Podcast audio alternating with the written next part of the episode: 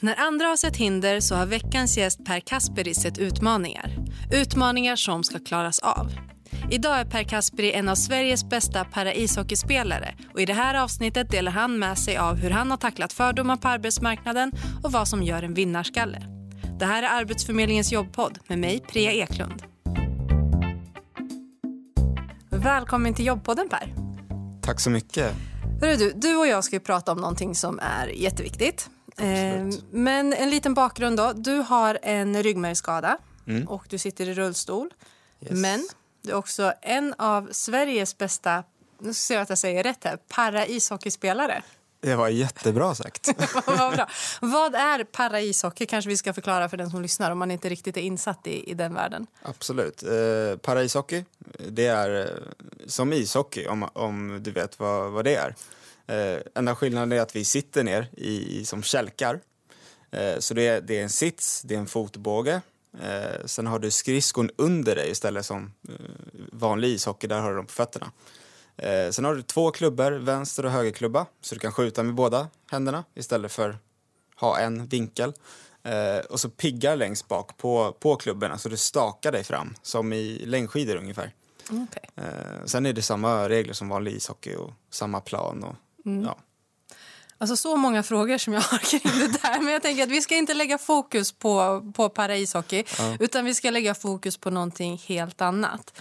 Eh, som jag sa då, ryggmärgsskada, sitter i rullstol men också en av Sveriges bästa inom den här sporten.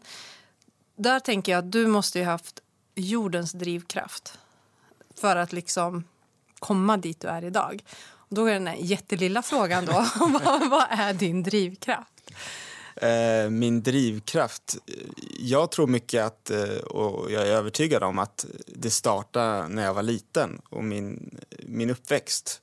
Eh, hur mina föräldrar alltid har varit mot mig, hur mina bröder alltid har pushat mig eh, när jag var liten har varit avgörande. Och jag har alltid fått testa allting det jag vill göra eh, och inte sett något hinder själv och det har inte själv, heller min familj gjort. Vilket har gjort att ja, men jag har utforskat och hittat det jag verkligen älskar att göra. Och det var ju så jag hittade hockeyn då. Och eh, f- föll för det första, första gången jag provade. Eh, och eh, fast sen dess. Och drivkraften är väl då att jag, jag älskar det jag gör. Och så tror jag det ska vara i, i, i allt egentligen. Tycker du om någonting och, och brinner för det så, så, så vill du fortsätta och så blir också resultatet eh, bästa möjliga. Nu låter ju det här som att det har varit väl- väldigt lätt på vägen. Att åh, nu testar jag det och så va- vart jag bäst i Sverige Mm. Ja. på det. Alltså så. Men har det, varit, har det varit jobbigt på vägen? Har du liksom stött på de här? Nu sa ju du så här, men jag har inte sett hindren. Mm, Men har du ändå stött på hinder som du känner som det här måste jag klara? Ja, alltså det, det är klart att jag sätter på utmaningar. Eh, det gör vi alla i livet överlag. Eh, och det gör ju livet till väldigt roligt också. Det hade varit tråkigt om det bara var ja, spikrakt uppåt och det var liksom guld och gröna skogar hela tiden. Eh, men så är det ju inte. Men jag tycker att det, det gäller att se på saker på, på ett bra sätt och se möjligheter i, i, i saker och ting istället för att nej men det här går inte, nu, nu blir allting skit rent ut sagt. Utan att se, ja men nu kunde jag inte göra det här på det här sättet, kan jag göra på ett annorlunda sätt för att komma dit jag vill? Eh, För det finns alltid olika vägar till samma, till samma mål. Är det någon som någonsin har sagt till dig så här, nej men vet du vad, ge upp det där. Du, alltså, om man bara säger, det här låter jätteelakt och det här är verkligen inte jag. Men jag tänker att det finns människor som är så här, men du sitter ju i rullstol. Ja. Det här kommer inte du klara. Ja, Det är klart det finns. Absolut. eh, och jag tror att eh, du, som, som jag då, jag är född med, rygg, med ryggmärgsbråck. Och jag har ju någonstans lärt mig på, på vägen att acceptera saker och ting. Att ja, men det finns så otroligt mycket okunskap i världen kring olikheter och så här, ja men rullstol, det här, det här går ju inte. Eh, och mycket sånt har jag absolut mött, att andra ser hinder. Eh, och- men det vill jag idag som sagt se som okunskap, inte att de kanske vill vara taskiga. Det tänkte jag först när jag var liten, att varför är de taskiga mot mig och varför säger de så, att det här inte går. Eh, men idag ser jag det som okunskap och det är därför det som vi gör nu är så otroligt viktigt. Att vi pratar om det. Ja. Eh, och att, det liksom, att olikheter ska inte vara en, en stor grej tycker jag. Utan det ska bara vara någonting som är fint. Eh, tappade jag bort mig bara för att det du sa var så fint. Jo, nej men det, det är annat jag vill prata om också då. Ja. Eh, just det här med att ja, men det blir mycket fokus på, på sporten Mm. för att det är där, därifrån du känner. Liksom, att, så. Men vid sidan av hockeyn så Mm. jobbar du bland annat som elevassistent. Exakt. Eh, man säger att det är ett vanligt jobb då. har du liksom jobbat med andra saker? Eh, ja, det, absolut det har jag gjort. Eh, jag har testat lite olika saker och alltid gjort det som jag, som jag, som jag vill göra och känner att det här, är- här är jag bra på. Eh, jag har jobbat mycket inom träning och hälsa, eh, bland annat som personlig tränare eh, och, och tränat folk, hjälpt dem nå sina mål. Bland annat eh, jobbat lite i butik och ja, sådana. Hur, men ja, hur har den processen varit då? Eh, Man träffar de här arbetsgivarna. Mm. Liksom, har du, när du har sökt de här jobben och de inte känner dig kanske, har du berättat då att jag sitter i rullstol eller är det någonting som har framkommit när man kommer på en intervju?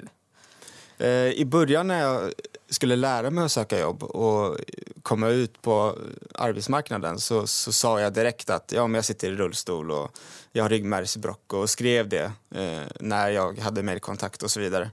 Eh, men eh, på senare tiden så har jag inte nämnt det överhuvudtaget för att det har varit i många fall ett jättestort problem. Eh, idag när jag söker ett jobb så berättar jag vem jag är och, men som, som vem som helst. Och det, att ja, men det, jag, jag är rätt för det här jobbet. Eh, sen om jag då kommer att få träffa arbetsgivaren så då ju de att jag har en rullstol. Den är ju inte så jätteosynlig. Eh, och, och det är väl inget mer med det så. Vi pratar och allt är jätte, jättebra. Men sen så kommer ju den här frågan. Ja, men du har ju rullstol. Och då tänker jag så här, ja, har jag? är det sant? Vad säger Va? du? Det, här, det, det här visste inte jag själv.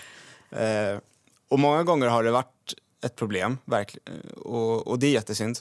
Eh, många gånger har det inte varit det. Eh, så det har varit både och. Eh, och det är så synd att det ska vara ett problem. För att jag hade inte sökt ett jobb eller något, något, något överhuvudtaget om jag inte visste att jag klarar av det och är, bra på det. Men då är det arbetsgivaren ofta som har sagt att nej men vi tror inte att det här funkar fastän du kanske ser att jo det gör det visst det. Ja, men exakt. Att det kommer, ja men hur ska det här funka och hur ska det funka? Så bara, men jag, jag löser det. Ingen fara. Men nu har du i alla fall en arbetsgivare som, som har sett bortom den här Mm, rullstolen, vilket måste kännas skitkul. Ja, verkligen. Eh, och det som sagt, du jobbar ju som elevassistent. Hur Mm. gick det till när du fick det jobbet? Eh, det var via min kusin faktiskt som, eh, som eh, visste, visste en tjänst. Eh, han jobbade själv på den, på den skolan eh, där han tyckte att jag skulle passa. Och så, så hörde jag av mig och fick prata med, med arbetsgivaren där och vi kom jättebra överens och så kom jag på intervju och sen på den vägen var det. Mm. Men de ställde inga frågor kring hur tror du att det här kommer funka? Nej, de, de såg mer min erfarenhet och, och rullstolen som något bra, något positivt. Att det var eh, just kring eh, barn och, och hela skolvärlden så är det otroligt viktigt tycker jag och tycker många också att visa på olikheter. Att det inte är något konstigt. Eh, Tycker du att det är någon skillnad? Jag tänker på det här med barn. Du sa att när du var yngre så var det väl när du gick i skolan Mm. så var det ju barn som liksom ja, men sa saker. Ja, men exakt. Men idag, kan du själv se någon skillnad på hur barn var då eller hur barn är nu? Kanske lite svårt att säga eftersom du själv Mm. var barn då också. Då uppfattar man ju saker kanske lite annorlunda. Mm. Ehm, Eh, Eh, jag tycker väl att det finns ju fortfarande en jätteokunskap och, och det blir lätt utsatt om, om du sticker ut på något sätt. Men jag tycker inte att man ska sticka ut även om du sitter i rullstol för det ska vara en vanlig sak. Till exempel då rullstol. Det finns väldigt många andra funktionsvariationer så. Men i mitt fall då rullstol. Eh, så jag tycker väl inte att det är någon stor skillnad så. Eh, det, det bör jobbas med mycket, mycket mer än vad det gör. Mm. Så att det inte ska vara någon, något konstigt. precis. En sista, en sista grej som jag vill få ut av dig här nu då. Ja, ja, Ehm, du var med i Vinnarskallar. just det. Ja. Vad, vad gör dig till en vinnarskalle? Den har du svarat på vet jag, i flertalet intervjuer. Men jag skulle vilja ändå att de som lyssnar på just den här podden mm. ska få lite inspiration kring... För jag tycker att du är en väldigt inspirerande person. Så att jag skulle Tack. vilja att de också liksom får lite inspiration kring just den här biten. Man behöver mm. inte vara liksom världsbäst på ishockey för att vara vinnarskalle utan du kan Nej. vara det i, i, i, din egen värld. Mm. Eh, så vad liksom gör dig till en vinnarskalle? Och bortom det här med hockeyn och, ja, och sport och liksom så. Eh, jag kan väl säga så här, vad, vad, vad en vinnarskalle, vad det betyder för mig och vad jag tror har form, det som har format mig då till en så kallad vinnarskalle. Eh, det är att eh, kunna ta motgångar och kunna se positivt i saker som kanske inte är så positiva just i stunden. Det tycker jag eh, är en vinnarskalle-attityd. Att, att du fortsätter och gör, följer, följer ditt hjärta och gör det du vill. Eh, det tycker jag. Mm. Med det så vill jag tacka dig för att du ville dela med dig av dina tankar kring det här superviktiga temat som vi har pratat om. Tack så jättemycket att jag fick komma hit.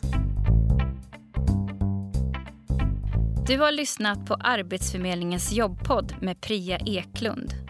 Och gästen var Per Kasperi. Inspelningsansvarig PG Nordström. Nästa vecka har vi Bäst av ansökningshandlingar. Där har vi samlat de bästa tipsen om just ansökningshandlingar ända sedan Jobbpodden började 2016. Och Det får du absolut inte missa. Vi hörs!